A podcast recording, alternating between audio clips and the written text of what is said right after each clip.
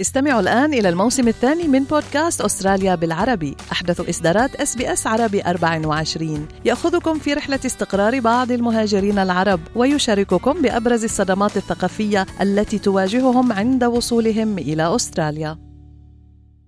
أنتم برفقة SBS عربي 24 تواصل فرق الإنقاذ جهودها للوصول إلى المحاصرين والعالقين تحت الأنقاض بعد الزلزال المدمر الذي ضرب جنوب تركيا وشمال سوريا.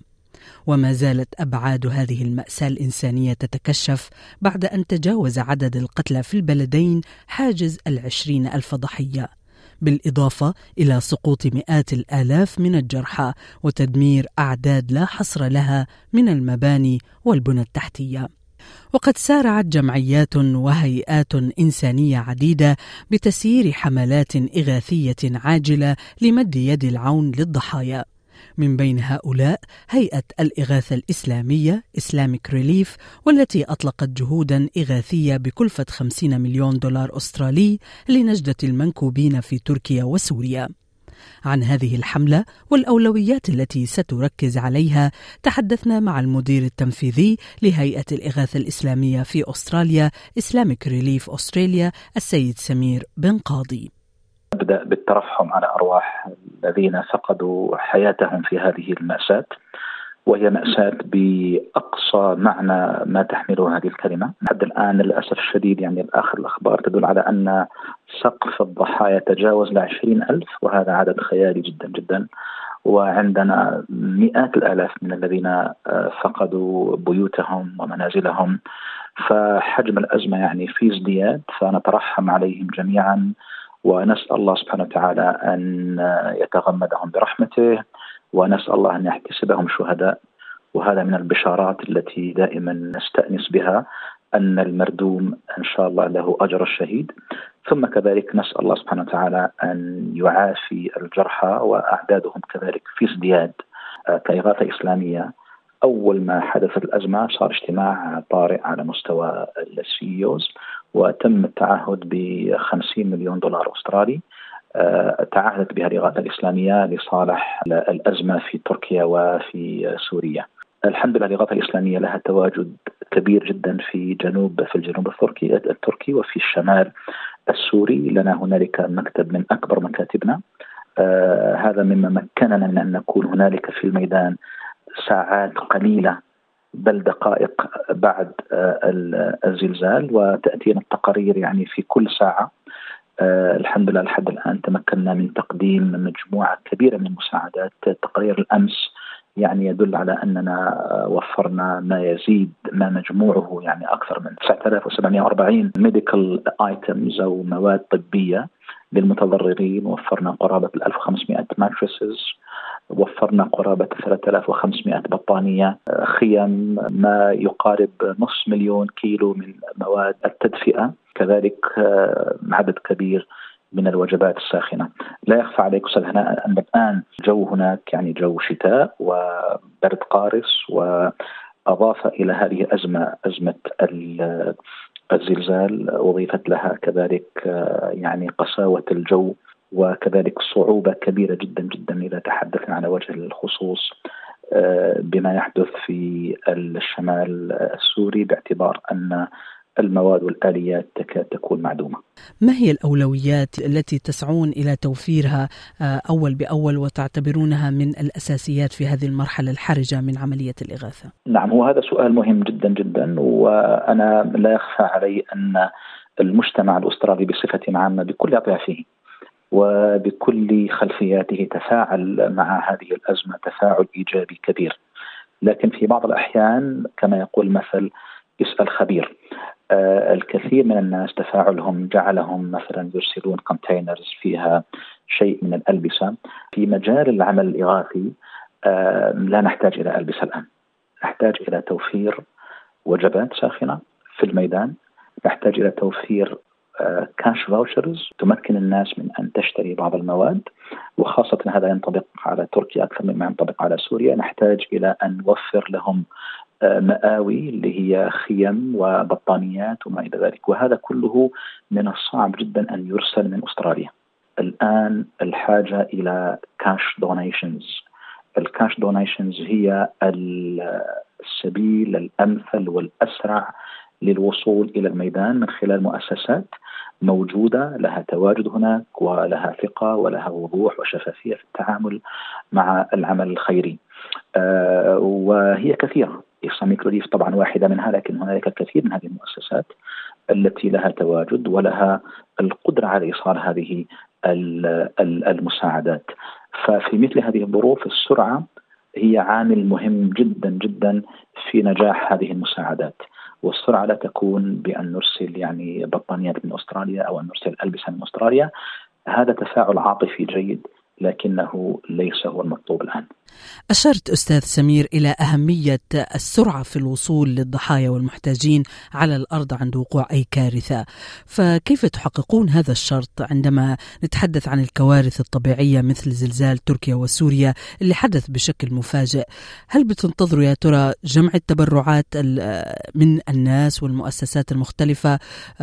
خاصة أنه هيئة الإغاثة الإسلامية كما ذكرت تعهدت بتقديم 50 مليون دولار أسترالي من المساعدة المساعدات للضحايا؟ الإغاثة الإسلامية الحمد لله يعني على غرار الكثير من المؤسسات العالمية.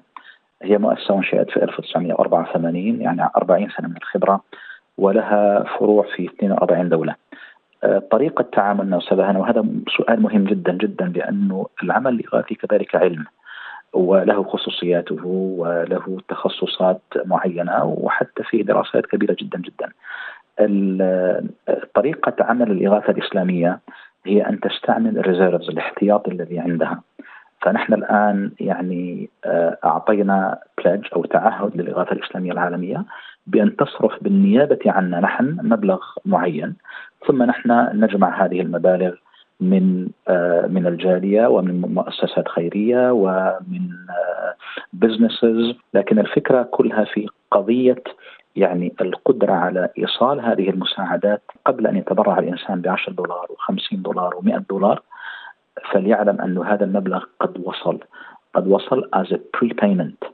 آه لأننا لا يمكن أن ننتظر. نحن عندنا مشاريع آه إنمائية. هذه المشاريع الإنمائية قد ننتظر أن نجمع الأموال ثم نطور مشروع في بلد معين لكن المشاريع الإغاثية لها خصوصية ومن أهم خصوصياتها السرعة في الأداء في الميدان. الوقت لا ينتظر لا يمكن أن ننتظر أن نجمع 100 و200 و500 ألف دولار أو مليون دولار من الجاليه ثم نحوله. فنحن نتعامل مع آه، المؤسسة الأم اللي فرعها في بريطانيا وهي تنفذ هذه البرامج من خلال الاحتياطي المالي الذي تم توفيره خلال الأربعين سنة الماضية. ثم آه، يكون بيننا وبينهم كفرع في أستراليا بيننا وبينهم تسوية لهذه المبالغ. الأزمات عديدة للأسف والكوارث الطبيعية والأزمات اللي بيمر بها تمر بها مجتمعات عديدة آه، خاصة في دولنا العربية. ما الذي استوقفك بالنسبة لهذه الأزمة الحالية؟ توصف بحسب الخبراء أنها يعني أسوأ زلزال مر على العالم بأسره في العقود الماضية. آه، ما المختلف آه، أو الصادم في هذه الأزمة تحديدا؟ الأزمات كلها مؤلمة. يعني من أسوأ ما قد يمر به الإنسان كتجربة شخصية أن يذهب إلى فراشه مع أسرته ثم يصحو من النوم ونصف الأسرة تكون قد يعني ذهبت أو توفيت. لكن الذي استوقفني هو معاناة الشعب السوري. الشعب السوري عانى من ويلات الحرب لمدة تزيد على العشر سنوات. والآن يعيش في وضع مأساوي جدا.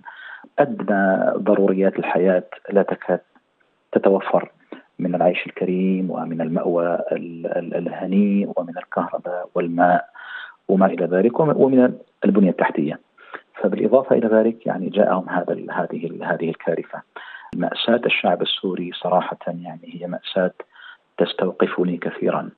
آه، هنالك صورة أثرت في باعتبار أنني أب يعني وأشعر بمفهوم الأبوة.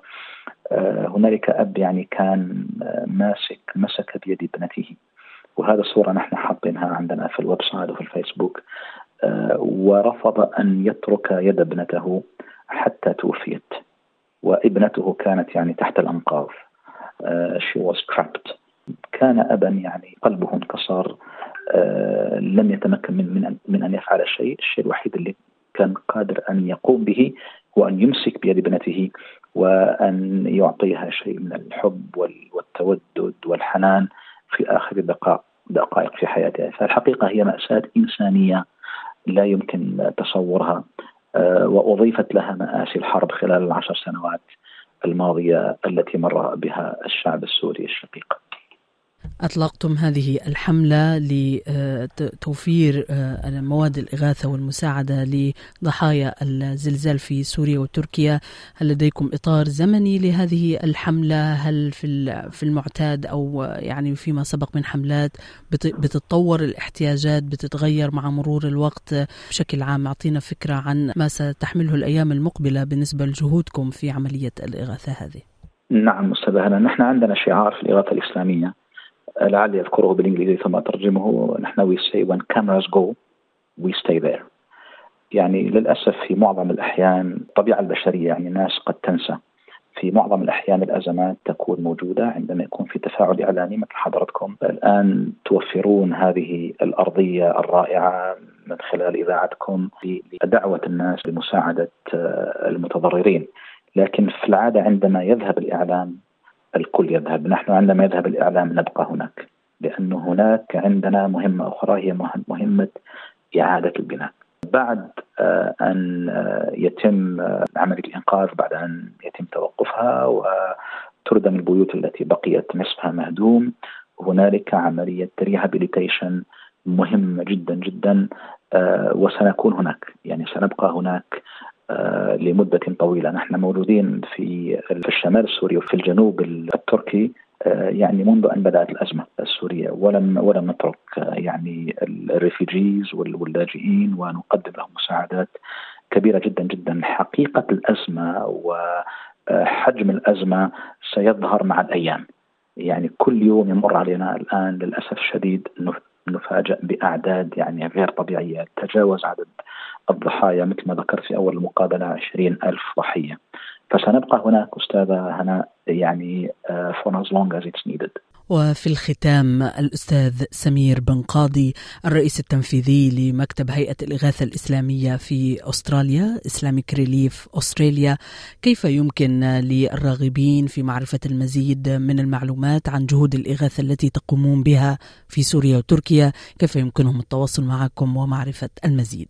هو هو موقعنا islamicrelief.org.au Islamic Relief it's a one word uh, فإسلاميك relief.org.au uh, وبالنسبة لصفحة الفيسبوك هي كذلك يعني facebook.com slash forward Islamic Relief AUS which stands for for Australia ف الحمد لله يعني التواجد في الميدان موجود وندعو الكل لأن يسهم بما استطاع لأننا نحن في الحقيقة يعني هؤلاء المتضررين بحاجة إلينا لكننا بحاجة إليهم أكثر. بحاجة إلى أن نوفر لأنفسنا هذه الرغبة في العطاء لأنها تجعلنا سعداء وتجعلنا نشعر بشعور أننا قمنا بشيء لنا رسالة في هذا الوجود، لنا رسالة تجاه البشرية أن نساعدها في مثل هذه الأزمات. كان هذا السيد سمير بن قاضي المدير التنفيذي لهيئة الإغاثة الإسلامية في أستراليا Islamic Relief Australia استمعوا الآن إلى الموسم الثاني من بودكاست أستراليا بالعربي. أحدث إصدارات SBS عربي 24 يأخذكم في رحلة استقرار بعض المهاجرين العرب ويشارككم بأبرز الصدمات الثقافية التي تواجههم عند وصولهم إلى أستراليا.